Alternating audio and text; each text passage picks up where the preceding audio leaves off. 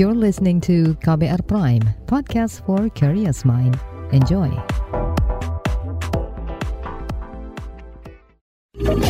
Kamu lagi dengerin What's Trending KBR Pagi.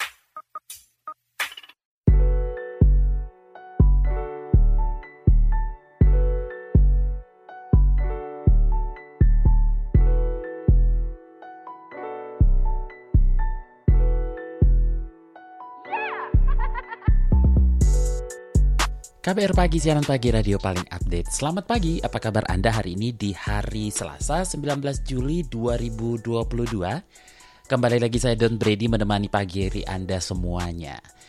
Hmm, bangun tidur langsung cek tagar Twitter dan apa yang lagi ramai dibicarakan netizen nih. Mem kocak tiap menit berkeliaran di sosial media, mulai dari Twitter, Instagram, sampai TikTok. Ini menunjukkan penggunaan media sosial sudah masuk rutinitas harian masyarakat. Ya nggak sih, bangun tidur yang dicari langsung handphone.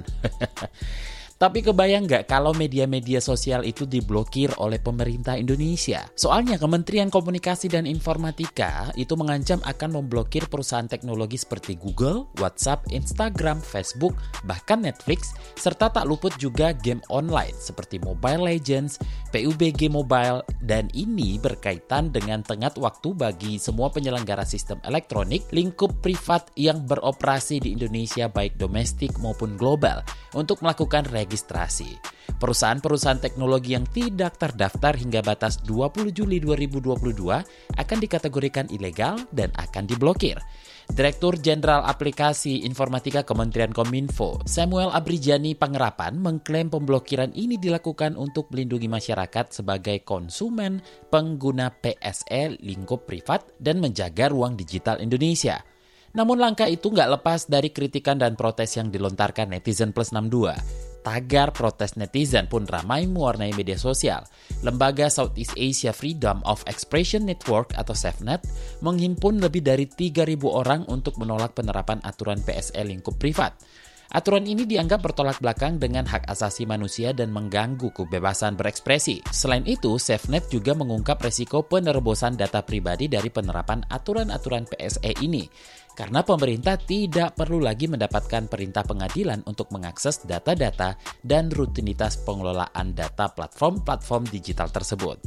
Pemerintah juga mewajibkan platform digital untuk menghapus konten yang diminta Kominfo atau penegak hukum dalam waktu 24 jam dan 4 jam dengan dalih penghapusan konten yang mengganggu masyarakat atau ketertiban umum. Ini dinilainya sebagai bentuk kesewenang-wenangan. Netizen protes terhadap ancaman pemblokiran medsos sampai game online. Itu yang kita obrolin pagi ini. Nah, untuk mengetahui kelanjutannya, kita dengarkan dulu komentar warganet plus 62 berikut ini.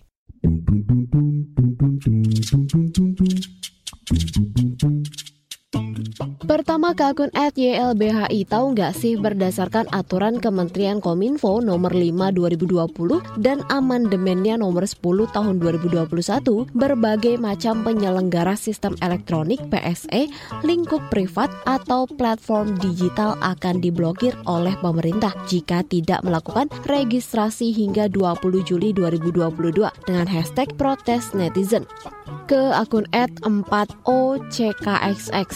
Selamat tinggal hashtag Twitter, kau masih belum terdaftar dengan hashtag PSE, privat hashtag Indonesia ya.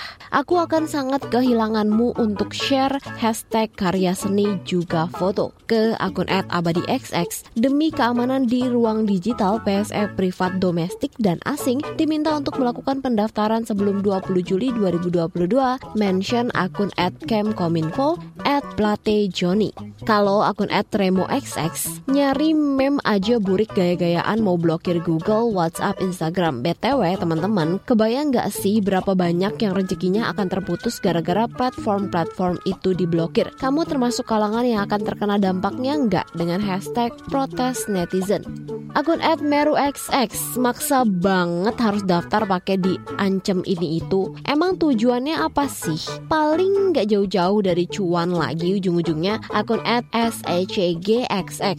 Coba pikir kenapa sampai sekarang Twitter, Google, dan Meta, Facebook, IG, WA masih belum mendaftarkan platform mereka ke PSE at Kemkominfo. Jika platform ini ikut mendaftar, maka mereka akan melanggar kebijakan privasi mereka sendiri dan privasi privasi kita sebagai pengguna juga akan terancam. Nah, yang terakhir akun @nohixx. Kalau memang tidak bisa membuat kebijakan yang baik bagi masyarakat luas, sebaiknya diam dan lakukan kajian ulang kebijakan dengan melibatkan lebih banyak pihak. Ingatlah, agar jangan tebal muka karena masyarakat sudah bersuara dengan hashtag protes netizen.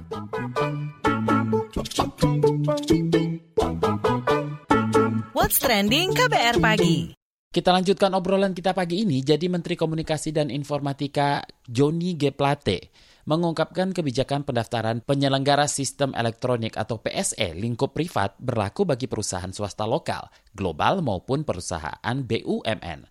Dia juga mengklaim pendaftaran ini dilakukan untuk memastikan keamanan data masyarakat dan tidak pandang bulu. Berikut keterangannya 14 Juli 2022 kemarin. Atas aturan hukum nasional, ya di mana kesempatan berusaha di sektor digital diberikan begitu luas ya, tetapi persyaratan untuk mengikuti peraturan dan pendataan e, e, perusahaan di wilayah yurisdiksi nasional harus juga ditaati. Ya, saya tidak memisahkan apakah ini PSE global atau PSE lokal, tapi PSE privat ya baik yang swasta murni maupun BUMN harus melakukan pendaftaran. Nah, juru bicara Kemkominfo, Dedi Permadi pun menjelaskan kriteria penyelenggara sistem elektronik lingkup privat yang harus mendaftarkan diri itu. Ini dia penjelasannya. Waktu pendaftarannya adalah 20 Juli tahun 2022. PSE lingkup privat domestik maupun asing yang tidak melakukan pendaftaran hingga tanggal 20 Juli 2022 akan dilakukan pemutusan akses oleh Kementerian Kominfo. Kementerian Kominfo dalam hal ini melakukan pemutusan akses setelah menerima permintaan atau setelah berkoordinasi dengan kementerian lembaga yang berwenang terhadap PSE lingkup privat dan domestik asing sesuai bidang usaha sebagaimana diatur oleh peraturan perundangan yang berlaku. Kewajiban pendaftaran PSE tidak berlaku kepada seluruh platform, aplikasi ataupun situs internet. Peraturan Menteri Kominfo nomor 5 tahun 2020 mengatur enam kategori PSE lingkup privat yang wajib melakukan pendaftaran, yakni PSE yang memiliki portal, yang memiliki situs, yang memiliki aplikasi, dalam jaringan melalui internet yang dipergunakan untuk satu menyediakan, mengelola dan atau mengoperasikan penawaran dan atau perdagangan barang dan atau jasa. Yang kedua, menyediakan atau mengelola dan atau mengoperasikan layanan transaksi keuangan. Yang ketiga, pengiriman materi atau muatan digital berbayar melalui jaringan data, baik dengan cara unduh melalui portal atau situs, pengiriman lewat surat elektronik, atau melalui aplikasi lain ke perangkat pengguna sistem elektronik. Kemudian yang keempat, menyediakan, mengelola, dan atau mengoperasikan layanan komunikasi meliputi namun tidak terbatas pada pesan singkat, panggilan suara, panggilan video, surat elektronik, dan percakapan dalam jaringan dalam bentuk platform digital, layanan jejaring, dan media sosial. Yang kelima, layanan mesin pencari, layanan penyediaan informasi elektronik yang berbentuk tulisan, suara, gambar, animasi, musik, video, film, dan permainan atau kombinasi dari sebagian dan atau seluruhnya. Kemudian yang keenam, yang terakhir, pemrosesan data pribadi untuk kegiatan operasional melayani masyarakat yang terkait dengan aktivitas transaksi elektronik. Pendaftaran ini berlaku efektif sejak tanggal 21 Januari 2020 dan batas waktu 6 bulan setelahnya adalah tanggal 20 Juli tahun 2022. Saya mengajak para penyelenggara sistem elektronik serta seluruh pemangku kepentingan termasuk kementerian lembaga terkait untuk mendukung pelaksanaan pendaftaran PSE sebagai wujud upaya bersama untuk menghadirkan ruang digital Indonesia yang produktif dan aman. Selain itu, juru bicara Kemkominfo, Dedi Permadi, juga mengungkap apa saja manfaat dari pendaftaran penyelenggara sistem elektronik lingkup privat ini. Dedi mengklaim aturan PSE lingkup privat ini sangat berguna, khususnya bagi keamanan dan perlindungan data masyarakat. Kembali kita simak penuturannya. Yang pertama, manfaat yang akan kita dapatkan ya sebagai bangsa, kita tentu akan mendapatkan sistem yang lebih sistematis, yang lebih terkoordinasi untuk seluruh penyelenggara sistem elektronik yang ada di Indonesia. Bayangkan jika kita tidak memiliki sistem pendaftaran. Seluruh PSE ini akan beroperasi di Indonesia tanpa adanya pengawasan, tanpa adanya koordinasi, tanpa adanya pencatatan, dan lain sebagainya. Efeknya apa? Efeknya jika terjadi pelanggaran atau pelanggaran hukum yang dilakukan oleh PSE di wilayah hukum Indonesia, maka kita akan kesulitan untuk melakukan koordinasi dengan PSE tersebut. Jadi compliance atau kepatuhan penyelenggara sistem elektronik terhadap regulasi yang ada di Indonesia dapat dioptimalkan melalui sistem pendaftaran PSE ini. Yang kedua, tentu kita bisa mendorong PSE-PSE yang terdaftar ini untuk bisa turut menjaga ruang digital Indonesia. Kita bisa bekerja sama dengan PSE-PSE tersebut sebagai pemerintah maupun civil society bisa bekerja sama dengan seluruh PSE untuk menjaga penggunaan internet, penggunaan platform itu tetap positif dan produktif. Jika PSE sudah terdaftar, maka kita akan mudah untuk melakukan koordinasi. Misalnya, mari kita melakukan literasi digital bersama-sama. Setiap PSE yang kemudian menyelenggarakan kegiatannya di wilayah Indonesia, selain beroperasi secara bisnis, juga bisa memberikan edukasi-edukasi ke masyarakat bagaimana caranya kita menggunakan ruang digital itu secara produktif, kreatif, dan positif.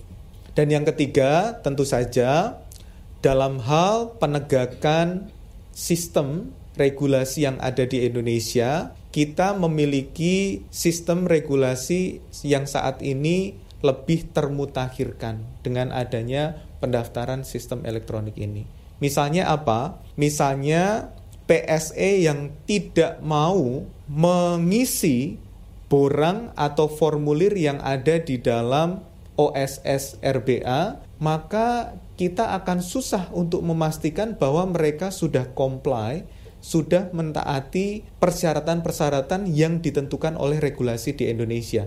Misalnya dalam hal pelindungan data pribadi. Kita ingin tahu apakah PSE itu sudah memiliki sistem yang cukup mumpuni untuk bisa melindungi data pribadi penggunanya. Jadi sistem pendaftaran ini sangat bermanfaat untuk memastikan bahwa masyarakat yang menggunakan PSE itu bisa terlindungi di dalam ruang digital yang mereka gunakan.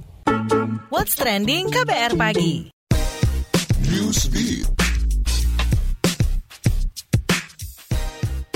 Usai lengser, bekas Presiden Sri Lanka Gotabaya Rajapaksa mengklaim telah berupaya mencegah krisis ekonomi di negaranya. Klaim itu disampaikan Rajapaksa dalam surat pengunduran diri sebagai presiden. Melansir Reuters, Rajapaksa mengklaim krisis ekonomi di negaranya berakar dari kesalahan mengatur ekonomi yang terjadi sebelum dia menjabat sebagai presiden. Kondisi itu diperburuk dengan pandemi COVID-19 yang menyebabkan masalah keuangan di Sri Lanka. Gotabaya Rajapaksa resmi mundur dari kursi presiden Sri Lanka usai di demo masyarakat akibat krisis ekonomi yang melanda negara itu. Menghadapi gelombang panas, warga London diminta tidak menggunakan transportasi umum kecuali untuk perjalanan penting. Pembatasan ini dilakukan karena suhu yang tinggi dapat mengganggu jaringan listrik dan peralatan sinyal pada kendaraan umum. Pemerintah juga memperlakukan pembatasan kecepatan pada kereta api dan kereta bawah tanah London. Masyarakat juga diminta untuk selalu membawa minum saat gelombang panas menyerang wilayah Eropa khususnya Inggris. Selain transportasi umum, masyarakat juga diminta tidak berkendara selama gelombang panas menyerang. Menghadapi krisis iklim, ilmuwan dari Massachusetts Institute of Technology MIT Amerika Serikat mengusulkan proyek gelembung raksasa untuk menyelubungi bumi. Menurut para ahli, langkah-langkah pengontrolan gas rumah kaca selama ini tidak cukup untuk mengatasi pemanasan global yang kian hari kian memburuk. Gelembung raksasa ini adalah geoengineering atau rekayasa bumi dengan teknologi tinggi. Gelembung ini diproyeksikan mampu menghadirkan bayangan yang berfungsi sebagai payung. Namun, proyek memantulkan cahaya matahari dari permukaan ke luar angkasa ini memiliki resiko besar dan memerlukan beberapa syarat seperti kuat, ringan, dan memiliki kapabilitas optik yang cocok. What's Trending KBR Pagi Kita lanjutin ngobrolin soal netizen protes terhadap ancaman pemblokiran medsos sampai game online. Jadi Direktur Eksekutif Indonesia ICT Institute Heru Sutadi menilai pendaftaran penyelenggara sistem elektronik lingkup privat diperlukan untuk pengaturan, pengawasan, dan kontrol pemanfaatan data-data masyarakat yang ada di platform-platform digital. Menurutnya, tanpa pengaturan PSL lingkup privat, masyarakat yang mengalami penipuan atau eksploitasi data berpotensi dirugikan dan sulit menuntut haknya. Lebih lanjut, kita obrolkan bareng Direktur Eksekutif Indonesia ICT Institute Heru Sutadi. Netizen protes nih mas dengan ancaman blokir pelayanan PSE jika tak memenuhi tenggat waktu pendaftaran yang diberikan Kominfo. Nah bisa dijelasin dulu mas, sebenarnya urgent nggak sih pendaftaran PSE ini? Nah, jadi kan kita punya undang-undang ITE ya nomor 11 2008 yang kemudian direvisi menjadi undang-undang 19 2016 di mana salah satu kewajiban dari penyelenggara sistem elektronik itu kalau kita lihat di jabaran PP-nya itu PP nomor 71 2019 itu adalah mereka harus mendaftar gitu ya. Kalau kita bicara urgensi tentu ini juga banyak manfaat gitu ya di satu sisi memang ini juga memberikan kepastian juga pada masyarakat. Karena banyak nih penipuan-penipuan gitu ya. Penipuan layanan kan gitu kan atas nama semua serba elektronik layanan digital ya. Jadi mereka kalau kita kan selama ini pemerintah mungkin nggak punya data mereka memberikan layanan dari mana gitu kan. Termasuk mungkin aset kripto kemudian juga sekarang yang lagi ramai misalnya trading trading online, binary option segala macam gitu, ya. termasuk juga layanan-layanan media sosial gitu kan, karena banyak kasus hukum juga yang menyangkut media sosial, yang mereka banyak juga yang lolos gitu ya. Nah, perlu ada kejelasan siapa yang mengelola misalnya aplikasi atau mungkin juga website gitu ya, yang memberikan layanan pada masyarakat. Kemudian di sisi lain juga masalah keamanan data ini juga penting ya. Sekarang itu kan kalau bisa kita masuk aplikasi aja website itu kan rata-rata kan mereka ngambil ada mereka menaruh cookies gitu ya kemudian dari cookies itu juga mengambil data yang ada di ponsel kita atau juga di, di laptop kita gitu biasanya ya. Tapi mas sejumlah PSE besar tampaknya masih adem ayem aja belum daftar. Apa aja pengaruh jika betulan melanggar batas nanti?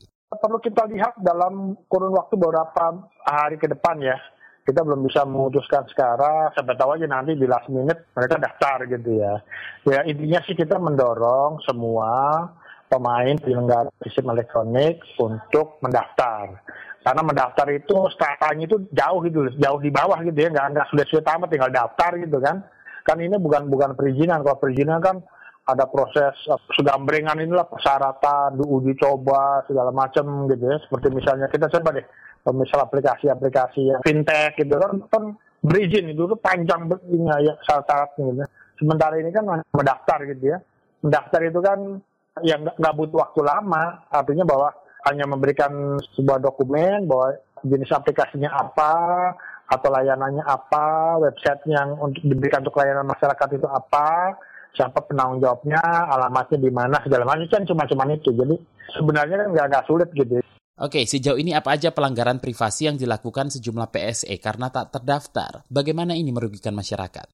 Pertama adalah pelindungan data pribadi. Nah, ini paling penting gitu. Karena masalah data pribadi itu adalah kalau sekarang itu data itu kan new currency, ini mata uang baru. Data itu adalah uang baru gitu, ada adalah minyak baru is new oil gitu kan sehingga memang ini harus kita jaga sama-sama gitu jadi memang ini juga partisipasi masyarakat bahwa ini persoalannya bukan menutup, memblokir ataupun anti terhadap satu aplikasi atau layanan tertentu, tapi ya kita sama-sama lah ini kan perlindungan terhadap data rakyat Indonesia gitu ya. Bagi misalnya data-data di media sosial yang jumlahnya cukup banyak gitu ya, sehingga juga ada perlu perlindungan juga terhadap masyarakat nih. Karena bisa jadi datanya kan dipertukarkan antar negara atau mungkin nanti mereka jual pada pihak ketiga gitu ya. Bahkan juga pernah bocor juga data misalnya data Facebook gitu ya. Nah ini kan yang menjadi keprihatinan kita gitu loh. Perlindungan data ini menjadi penting. Kemudian yang kedua itu juga adalah bahwa ya ketika misalnya kita memberikan layanan di Indonesia biasanya perusahaan aja punya siup ya perusahaan punya siup, kemudian juga NIB, di mana dia berusaha segala macam kan gitu kan ya mungkin pajak urusan belakangan lah gitu. Tapi paling nggak ada aturan di Indonesia ketika orang mau berusaha gitu loh untuk untuk berbisnis. Dan ini yang saat ini di bidang digital itu tidak dijalankan sehingga secara ekonomi kita rugi gitu ya. Ruginya apa ya? Satu misalnya ya mereka menjalankan bisnisnya dari luar negeri gitu loh. Mereka yang suka datang ke Indonesia gitu ya. Tapi di sisi lain mereka mengeruk duit dari rakyat Indonesia duitnya bukan seribu dua ribu atau satu juta dua juta gitu. Ini triliunan yang sudah dikerok gitu loh. Diambil dibawa ke luar negeri kan gitu kan. Kalau bayar pajak pula nah, ini kan juga kita double ruginya double ini kita gitu sementara mereka untung banyak gitu kan. Nah ini yang kita coba harus bikin balance. Karena betapapun ketika kita bicara jumlah pengguna internet kita yang banyak pengguna ponsel kita yang banyak gitu ya ya akhirnya kita kasar gitu loh di satu sisi kan didorong pemanfaatan teknologi digital demi mengembangkan usaha mikro kecil menengah atau UMKM masyarakat. Nah kalau ini nanti diblokir bagaimana dengan sejumlah pengguna yang bergantung padanya? Ya kita lihat aja, jadi sekarang ini kan eh, platform yang ada di Indonesia kan cukup beragam gitu ya. Jadi tentunya ya kita bisa memilih platform yang memang patuh terhadap regulasi, platform yang memang mereka menghargai aturan dan ketentuan yang ada di Indonesia. Ini kan cukup beragam juga. Jadi kan kita tidak tidak hanya mengacu pada satu platform kan gitu kan. Kayak misalnya UMKM kan ke mana-mana UMKM itu. Terima kasih Direktur Eksekutif Indonesia ICT Institute Heru Sutadi.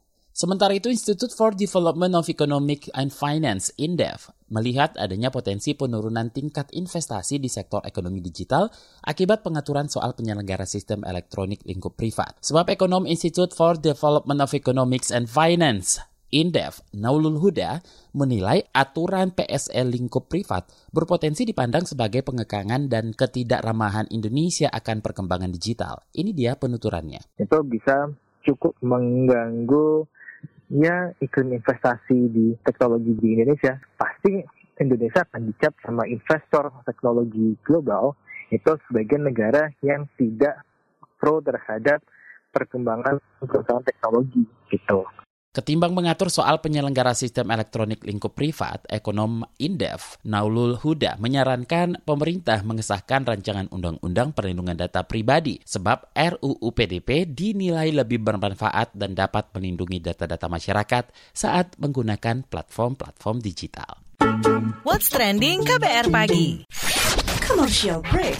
Commercial break. Transfer ke sini udah, bayar ini juga udah. Ke gue udah. Hih, Allah, pertumbuhan ekonomi tuh lagi melambat, persis kayak tabungan gue. Betul banget, harus matang ngelola keuangan. Pengennya tuh investasi sesuatu gitu ya. Apa gitu yang cocok dan menguntungkan? Hmm, coba dengerin uang bicara deh. Gue belakangan lagi dengerin podcast itu di KBR Prime reksadana yang tadinya 500 juta udah turun dari 250 juta sekarang 10 ribu. Sama kita ngopi mahalan mana? Ketika itu ada keputusan yang kayak begitu investor harus tahu gitu oh ada keputusan ini berarti implikasinya apa? Orang mungkin perluas literasi kamu lewat podcast uang bicara Uang Bicara menavigasi kamu dengan menghadirkan bahasan-bahasan seru dan populer mulai dari investasi sampai kebijakan. Dipersembahkan oleh KBR Prime dan bisa didengarkan di KBR Prime, Spotify, dan platform mendengarkan podcast lainnya. KBR Prime, podcast for curious mind. What's trending KBR pagi?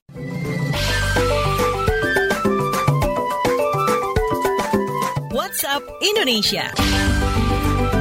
WhatsApp Indonesia dimulai dari Jakarta. Epidemiolog dari Universitas Griffith Australia Diki Budiman menilai vaksinasi booster saja tidak cukup untuk menekan laju penularan COVID-19 sebab masyarakat yang butuh perlindungan bukan hanya yang sudah menerima booster saja, tetapi juga anak-anak kecil atau orang-orang beresiko tinggi lainnya. Epidemiolog dari Universitas Griffith Australia Diki Budiman mengatakan Indonesia bisa disebut siap menghadapi gelombang penularan COVID-19 jika strategi vaksinasi dibarengi dengan upaya pencegahan dari hulu. Selain itu, komunikasi risiko juga harus terus dibangun untuk mempertahankan kewaspadaan masyarakat sehingga masyarakat tidak mengabaikan tren kenaikan kasus COVID-19. Kata Diki, strategi penanganan COVID-19 yang komprehensif bisa menjadi modal pemerintah dalam menghadapi ancaman varian apa pun. Masih dari Jakarta, anggota Komisi Bidang Kominfo DPR RI Nurul Arifin mendorong para generasi muda untuk memanfaatkan teknologi digital demi mengembangkan usaha mikro kecil menengah UMKM. Menurutnya, akselerasi pemanfaatan teknologi digital secara langsung akan berdampak pada kemudahan aktivitas transaksi jual beli yang aman dan efisien. Anggota fraksi Partai Golkar ini mengatakan, para generasi muda juga harus melek strategi pemasaran produk secara digital agar memudahkan UMKM mengembangkan pasar. Selain itu, pemanfaatan layanan pesan antar juga perlu dilakukan untuk mempermudah pengiriman produk sampai ke konsumen. Kata dia, strategi pemasaran dapat dimanfaatkan seperti media sosial, aplikasi pesan instan, digital ads, dan lainnya. UMKM juga harus bisa pesan antar agar memudahkan masyarakat menerima pesanan di tengah pandemi COVID-19.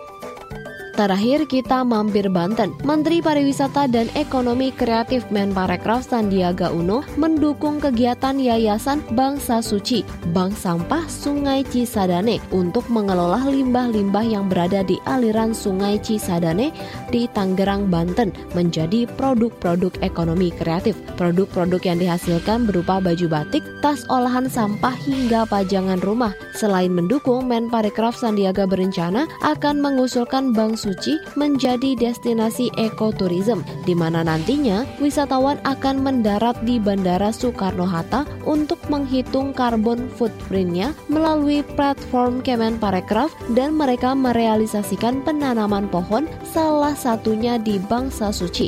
Sandi menilai Bangsa Suci berkontribusi dalam pencegahan banjir karena pengolahan limbah-limbah yang menghambat aliran sungai. Selain itu, Sandi menilai pentingnya menjaga keberlangsungan keberlangsungan lingkungan untuk memitigasi perubahan iklim. Demikian WhatsApp Indonesia hari ini.